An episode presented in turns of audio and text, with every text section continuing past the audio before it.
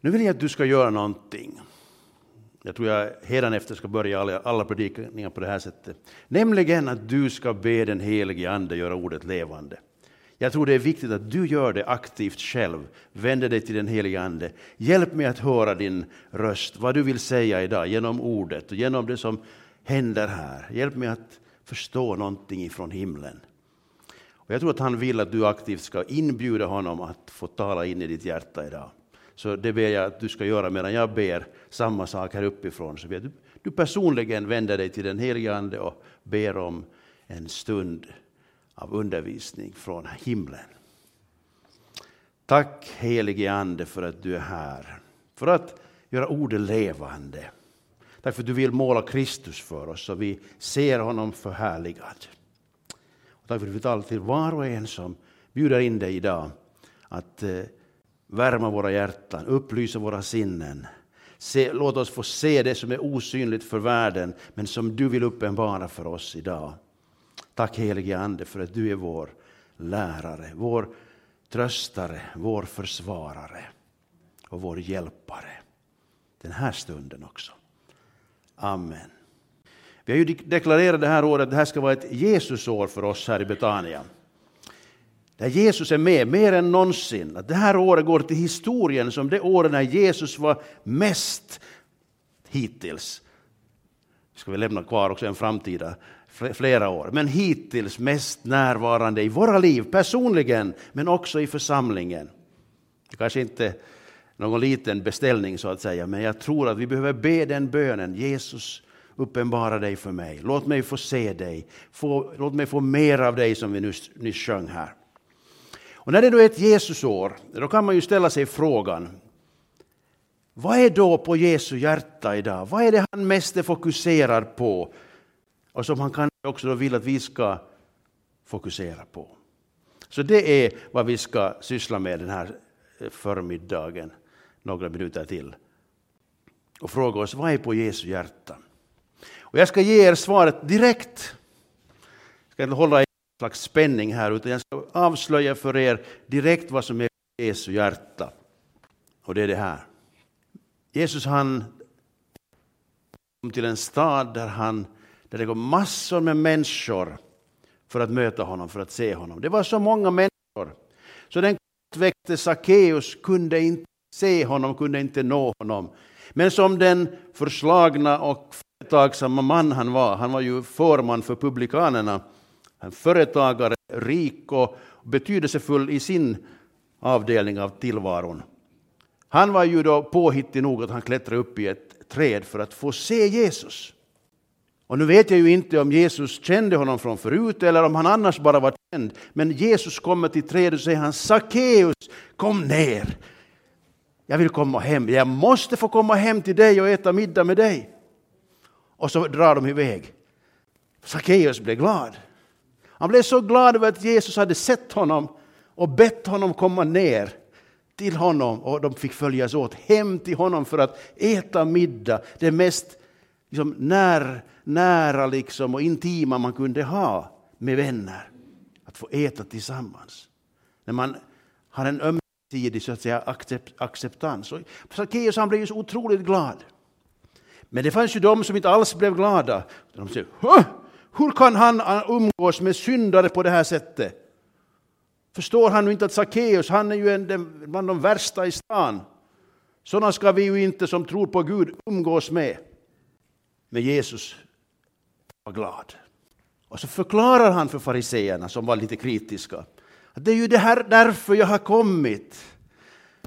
För att söka upp och frälsa det som har förlorat. Sackeus hade varit långt borta från Gud. Men här fick han möta Gud. Och han blev glad.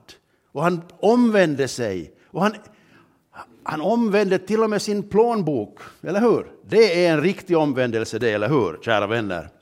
När vår plånbok blir omvänd och lagd under Guds rikets principer och Jesu herravälde. Du får fråga din plånbok om den är omvänd. Jesus har kommit för att uppsöka eller söka upp och frälsa det som var förlorat. Så det det, det här ordet vi ska lite tugga på en stund. Det som var förlorat. Vem är det som har förlorat något? Det är från Guds perspektiv det här börjar, eller hur? Gud har förlorat kontakten med sin skapelse därför att hans skapelse, människan, har vänt honom ryggen, gått bort ifrån, förlorat kontakten, förlorat härligheten, förlorat kunskapen om Gud. Så människan har förlorat mycket naturligtvis, men det börjar med att Gud ser var är de här människorna som jag hade velat vara tillsammans med, som skulle vara tillsammans med mig, var är de? De sysslar med andra saker. De gör business, eller de gör något helt annat. Och i Lukas 15 där så berättar Jesus också det här perspektivet. Han lyfter fram på flera olika sätt, på sitt fantastiska sätt med berättelser, liknelser som gör att vi kommer ihåg de här berättelserna. Ni kommer alla ihåg berättelsen om det förlorade fåret, eller hur? Hur viktigt det var för herden att gå ut och söka efter fåret. Och när han hittar det så blir han så glad så han samlar hela gänget runt omkring sig och säger nu ska vi ha fest. För det som jag har förlorat det har jag funnit. Det finns det förlorade myntet. Den här kvinnan som har förlorat ett silvermynt som var väldigt viktigt för henne. Jag har hört en förklaring om att det hade att göra med de här, en ett, ett snöre med mynt som man hade för sin kommande bröllop. Och man, det var väldigt viktigt att man hade kvar dem. Det var inte riktigt vilken, vilken pennislant som helst. Eller hur? Det var något väldigt dyrbart för den här kvinnan. Och när hon har förlorat det så söker hon tills hon finner det. Och så blir hon väldigt glad när hon hittar det. Och så har vi den klassiska berättelsen om den förlorade sonen. Den förlorade sonen eh, kommer ju lite närmare vår verklighet, eller hur? Det är många av oss som, för, som kan liksom identifiera oss, åtminstone i någon form, även om vi aldrig har skött om några, några grisar, så, så kanske vi ändå förstår den här situationen som den här förlorade sonen hamnar i. Och vi kan också identifiera oss med den hemmavarande sonen. Men egentligen så handlar det ju om faderns glädje. Hans stora sorg över att han hade förlorat en av sina söner. Och också sin sorg över att den här hemmavarande sonen inte förstod vad han hade i den här gemenskapen. Och istället var sur och missnöjd. Men vilken glädje det blev där på slutet, eller hur? När sonen kommer till sina sinnes fulla bruk igen och vänder om och kommer hem och inte väntar sig någon glädje från fadern, eller hur? Han, han försökte liksom tänka sig ett förhandlingsresultat, att om jag nu riktigt försöker vara flitig så kanske han då kan låta mig bli en av hans drängar eller tjänare, arbetare. Så han blir väldigt överraskad över att fadern springer emot honom och öppnar famnen för honom. Eller hur? Det här har ni hört så många gånger förut. Men tänk på faderns glädje, herdens glädje, kvinnans glädje. Det är här jag tycker vi ska lite låta det liksom påverka oss eh, idag. Jag kan inte låta bli att, att, ta den här bilden som ändå påminner mig om min söndagsskola inte för jag har sett den här bilden där, men liknande bilder av Jesus som herden och han hittar fåret som har snärt in sig i törnbusken och inte kommer loss utan bräker förtvivlat. Vad tror ni? Om någon har hundra får och ett av dem kommer bort, lämnar han då inte de 99 i bergen och går ut och letar efter det som gick vilse? Och om han finner det, jag säger er sanningen, han gläder sig mer över det fåret än över de 99 som aldrig gick vilse. På samma sätt är det inte er himmelske fars vilja att någon enda av dessa små ska gå förlorad. Man kan lugnt eh, konstatera att eh, fåren behöver sin herde. Och jag har nu låtit tanken lite det där vandra när det gäller de här fåren. Jag menar, det står om ett får som, som, som gick vilse. Men man kan ju tänka sig ändå att det här kan representera alla vilsegångna får. Och då tänker jag att det finns väldigt olika får. Eh, eller de har en olika upplevelse av sin vilsegångenhet. Jag tror det finns får som inte riktigt har förstått att, att herden och jorden gick någon annanstans, att de är ensamma. De, de tycker de har grönt gräs här, här finns vatten. Det verkar ju lugnt, här kan jag ju vara. Här finns kanske andra jag kan bekanta med mig. Det, det är så viktigt med den där andra jorden, eller hur? Sådana bekymmerslösa får som tycker att jag har ju det jag behöver här nu så att inte behöver jag den där herden. Kommer knappt ihåg honom. Hur såg han ut? och så vidare. Eh, får, får är väl inte så, har väl inte så stor kapacitet, glömmer fort. Men vi förstår ju att det, det, det, är inte bra för ett får att vara ensam ute i vildmarken. Det kan finnas vilda djur, det kan finnas andra som vill dem illa helt enkelt. Och då kan, som här på bilden, på den förra bilden, ja, att de kan ramla eller hamna in i sådana situationer att de inte kommer hem eller någonstans vidare. Hur som helst, vi har det bekymmerslösa fåret. Sen har vi får som kanske har upptäckt att herden nu är borta, men var är han? Här är bara berg och dal och vad är det, ja, ingen herde i sikte. Vart ska jag ta vägen? Vad ska jag göra? Hur ska jag hitta rätt? Vad är meningen med livet? Kanske fåret undrar. ja. Det här rådlösa fåret. Okay? Och sen har vi kanske också någon som faktiskt börjar känna att det här är lite obehagligt. Det är någonting som rör sig där bakom. Tänk om det är vargen som kommer. Sibbovargen. Nej. Men i alla fall, ni förstår att det finns farliga omständigheter, det finns farliga saker i världen som kan hota det här fåret. Det finns alltså hotade får.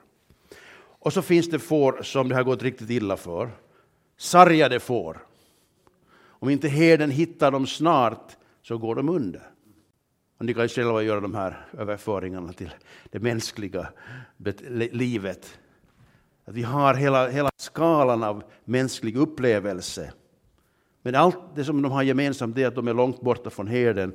Om inte herden hittar dem eller de hittar tillbaks till herden så blir det farligt för dem. Och samtidigt så är det herden som räknar sina får och märker att en är borta och ger sig ut för att söka den. Jag tycker om den här bilden som Jesus ger av, av Gud som aktivt söker de förlorade. De som är borta från honom. Han gör allt för att hitta dem. Och han gjorde ju så med Sackeus. Han banade sig väg genom hela folkmassan för att han skulle nå till Sackeus. Som han såg ju att verkligen liksom ville ha kontakt med honom. Så på något sätt finns det liksom en, en, en, en ömsesidighet. Gud söker aktivt och när människor söker honom aktivt då blir det en kontakt, då blir det ett möte. Nåväl, vi går snabbt över till att eh, förstå vad, hur Jesus kopplar de här berättelserna om den gode herden, eller den här herden som söker den förlorade, genom att ta den här klassiska bilden som, som vi hittade redan i Sekiel här om söndagen. Att Herren vill vara den rätte herden, den gode herden. Och Jesus säger till de här lärjungarna, de visste mycket väl vad han citerar, eller hur? Jag är den gode herden och den gode herden ger sitt liv för fåren. Den som är lejd och inte är herden som äger fåren, han överger fåren och flyr när han ser vargen komma. Och vargen river dem och skingrar jorden. Den som är lejd bryr sig inte om fåren. Jag är den gode herden, jag känner mina får och mina får känner mig, liksom Fadern känner mig och jag känner Fadern och jag ger mitt liv för fåren.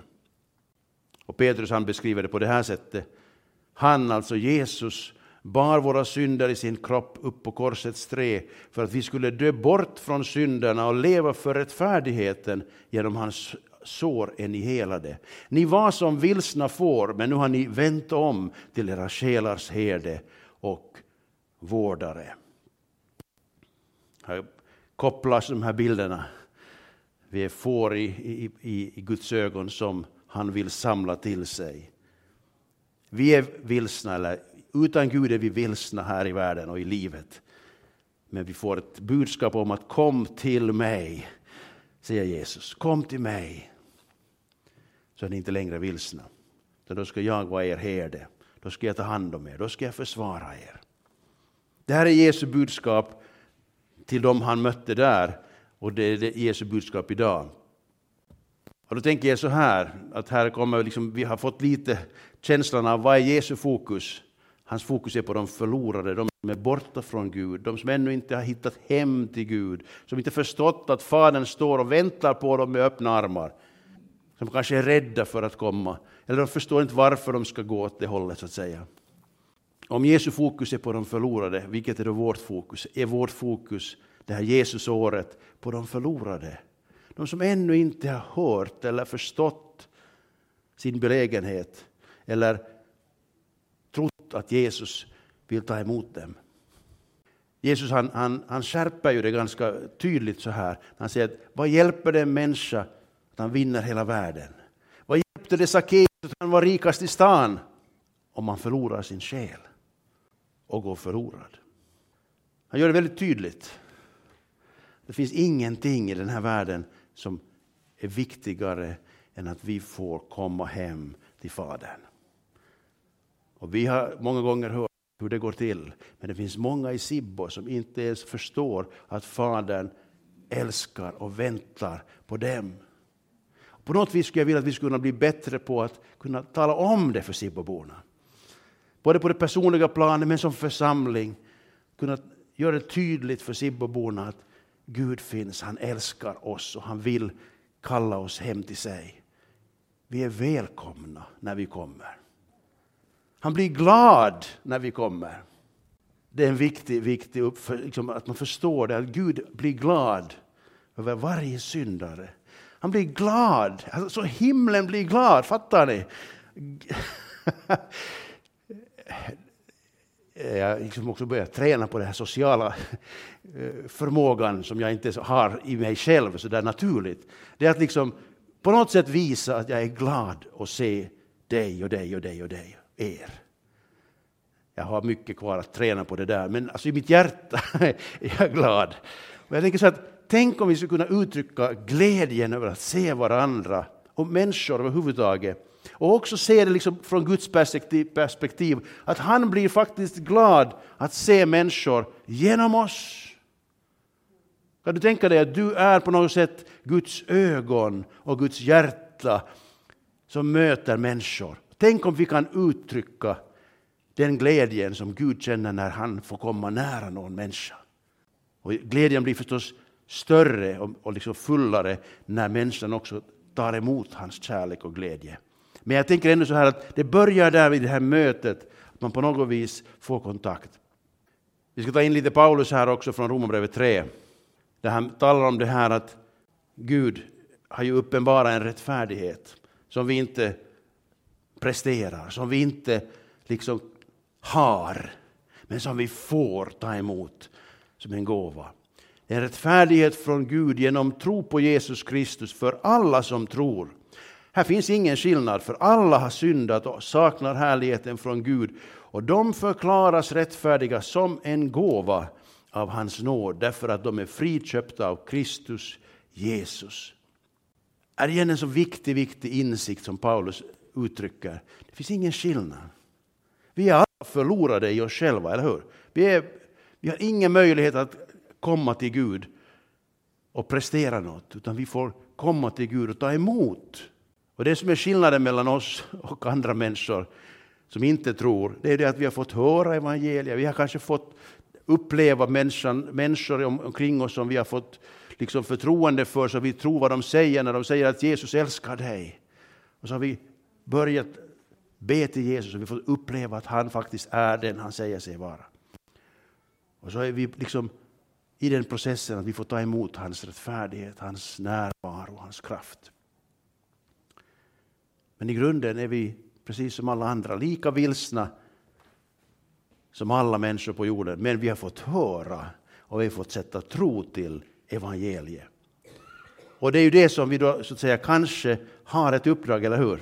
Inget kanske där. Vi har ett uppdrag att dela med oss av detta och det är det som är vår bön, att vi ska kunna göra det mer och mer. Okay. Den här gåvan skulle få, få liksom delas ut. Och det är ju så här som Jesus faktiskt har tänkt det också. Nu kommer vi in på den här ganska radikala texten från Jesus. Det här är predikans mest radikala text. Så läs vad det står. Där står så här.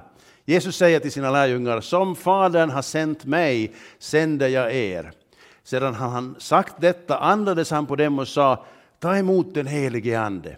Om ni förlåter någon hans synder så är de förlåtna, och om ni binder någon i hans synder så är han bunden.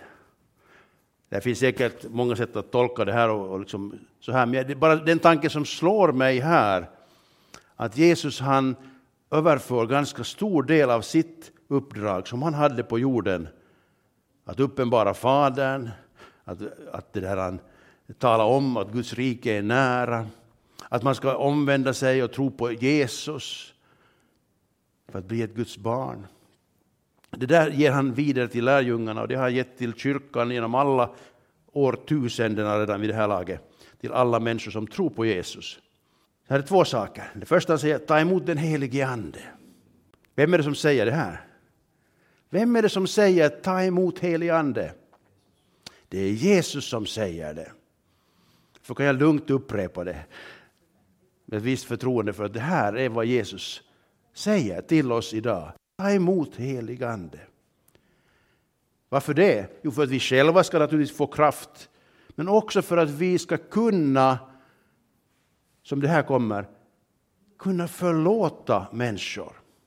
Och då kommer den här radikala tanken till mig. Tänk om det faktiskt är så här också, att vi genom vår förlåtelse förmedlar Guds förlåtelse. Att vi kan deklarera du är förlåten. Jesus förlåter dig och jag förlåter dig. Du är förlåten. Att vi har fått en liten del av mandatet att förlåta. Det var ju en stor sak på Jesu tid. För de sa, det är bara Gud som kan förlåta synder. Eller hur? Och Jesus förlät synder därför att han var Gud, eller hur? Så det, det, det kan vi ännu greppa. Men tänk om han också vill dela den här, det här uppdraget på något sätt, att vi också medverkar till att förlåtelsen når människor. Är det här för en radikal tanke? Jag vet inte. De får pröva allt och behålla det goda och kanske läsa Bibeln lite extra kring det här och sen komma och rätta mig om jag har fel. Men jag tror faktiskt att vi är del av det som Jesus vill göra. Vi personligen har ett uppdrag att tala om frälsningen, om förlåtelsen, försoningen. Paulus är ju faktiskt lite inne på det också. Att vi har ett enormt uppdrag. Det är inte bara det att vi själva får ta emot rättfärdighetens gåva, utan vi är anförtrodda att sprida det, ge det vidare till andra. Tänk det.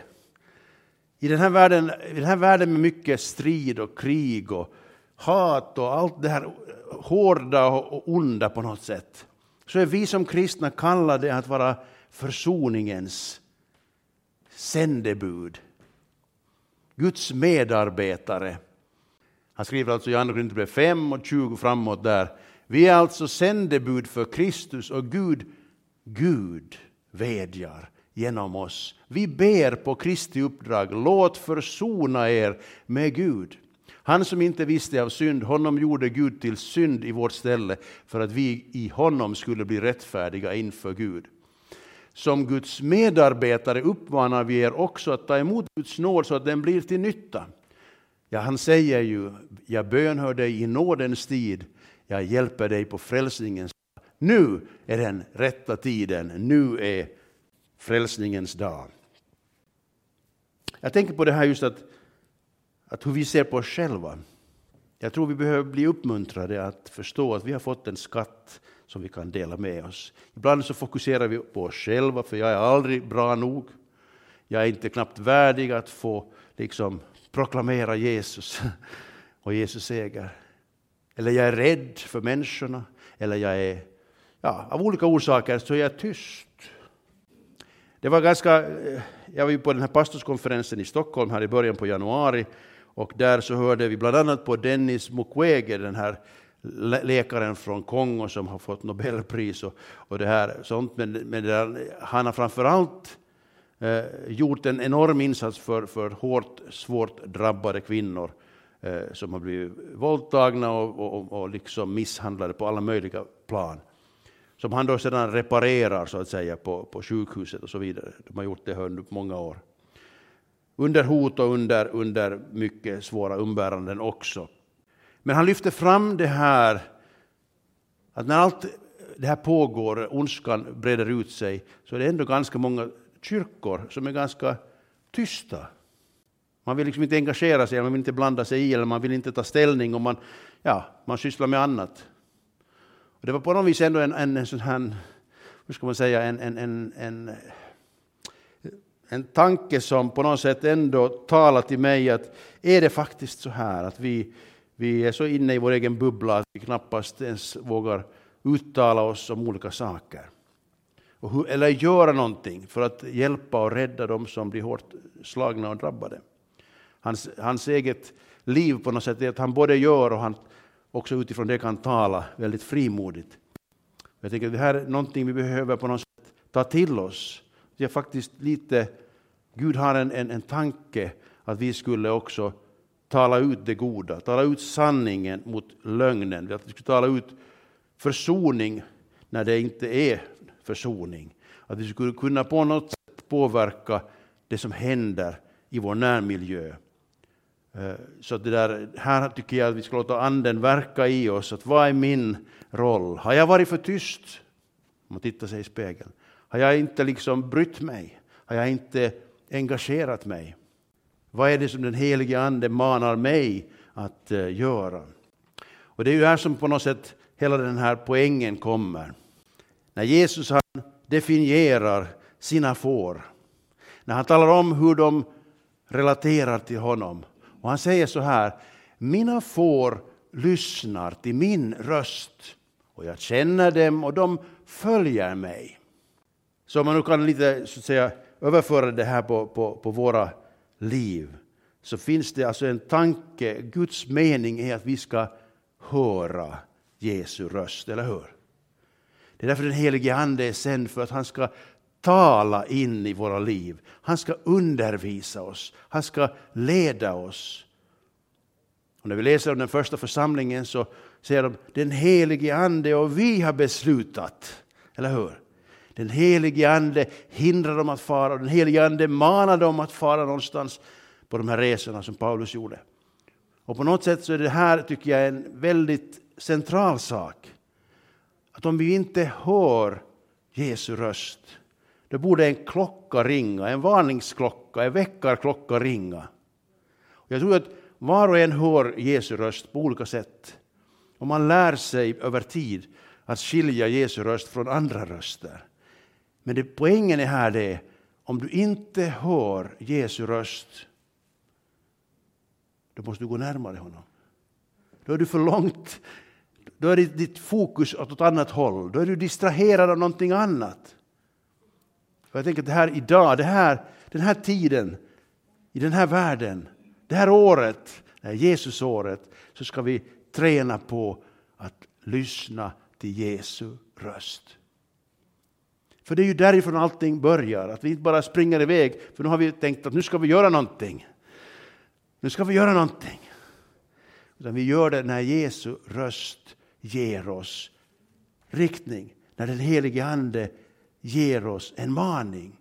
När den helige Ande väcker oss på natten för att be för någon, vad det nu kan vara.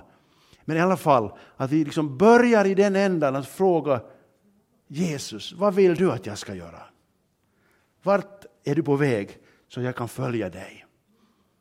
Och Det är därför som vi ber också alltså i början av predikan, helige Ande, lär du mig någonting? Talar du till mig? Att inte jag bara hittar på och jag tolkar själv och försöker liksom hänga med, utan hjälp mig att lyssna, hjälp mig att höra, hjälp mig att förstå. Det här tror jag är den absoluta grunden för varje kristen. Att lära sig att höra vad den helige Ande säger, vad Jesus säger. Därför att Jesus har kommit för att uppsöka det som är förlorat. Låt den här bilden, den här texten fastna. För Jesus, han vill gå med dig för att söka upp förlorade. Han vill hjälpa dig att se att här finns det ett förlorat får som faktiskt jag kan på något sätt guida närmare herden. Och jag tänker att, att, här, här skulle vi kunna få, få del av Faderns glädje. För varje får vi får vara med och hjälpa åt rätt håll mot Fadern. Och när det här fåret får möta Fadern, eller herden, den bilden, språket går lite ihop här nu, så blir det stor glädje hos Fadern.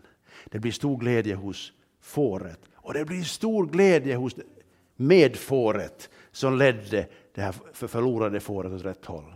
Och jag tänker att vill vi få uppleva Guds glädje så är det att vara med i Guds business, så att säga. Eller hur? Göra det som Gud blir glad av. Då kommer vi också att få uppleva glädjen. Så låt den här, det här året präglas av att vi aktivt ber Anden tala till oss. Vi aktivt ber Anden att göra orden levande. Och att vi aktivt ber den helige Ande att på något vis hjälpa oss att se människor med Guds ögon. Som Guds älskade, tills vidare ännu förlorade barn, men som kan bli hans funna barn. Så att Faderns glädje kan fylla oss också. Vi låter den här bilden ligga kvar där när vi nu ska be avslutningsvis. Mina får hör min röst och följer mig, säger Jesus. Och då frågar han förstås alltid oss, vill du? Vill du höra mig? Vill du lyssna till min röst? Vill du följa mig? Och vill du gå med mig för att hitta flera får som behöver komma hem, komma till mig? Och jag tänker att det här är nog en kallelse till dig och till mig idag. Helige Ande, hjälp mig att förstå, hjälp mig att höra, hjälp mig att leva i vardagen så att jag på något vis tar in dig aktivt i min vardag vad det än gäller, om det gäller enkla eh, sysslor som jag själv ska göra eller människor jag ska möta. Att vi tar Gud med oss in i relationer, i samtal, i möten med människor. Och igen så tänker jag att ingen kan tvinga dig, men du kan höra en kallelse i det här. Att eh, vill du, vill du vara med och höra mera av Jesus, höra mera på Jesus, så säg det till honom att jag vill lyssna på dig. Jag vill följa dig. Jag vill vara nära dig. För det här året vill jag att du ska vara i centrum av mitt liv. Låt mig inte distraheras av allt det som händer i världen och alla möjliga saker som är intressanta men inte så viktiga för dig. Hjälp mig att se det du ser. Hjälp mig att se de människor som du ser. Hjälp mig att älska de människorna som du för i min väg så att de kan se din kärlek, så att de kan uppleva din kärlek och tro på din kärlek och komma till dig. Jesus, nu tackar jag dig för att du har talat till oss idag. Tack för ditt ord tala. Tack för det som du har sagt har, har du också talat idag. Tack för att du kom för att söka upp de förlorade.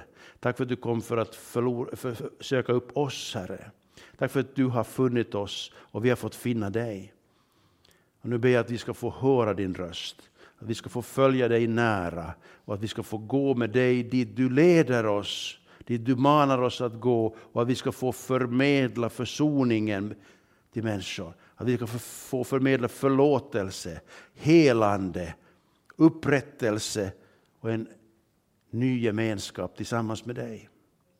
Kom helige Ande och påminn oss om vad Jesus har lärt. Kom helige Ande och led oss i vardagen. Kom helige Ande och led oss i den här församlingen.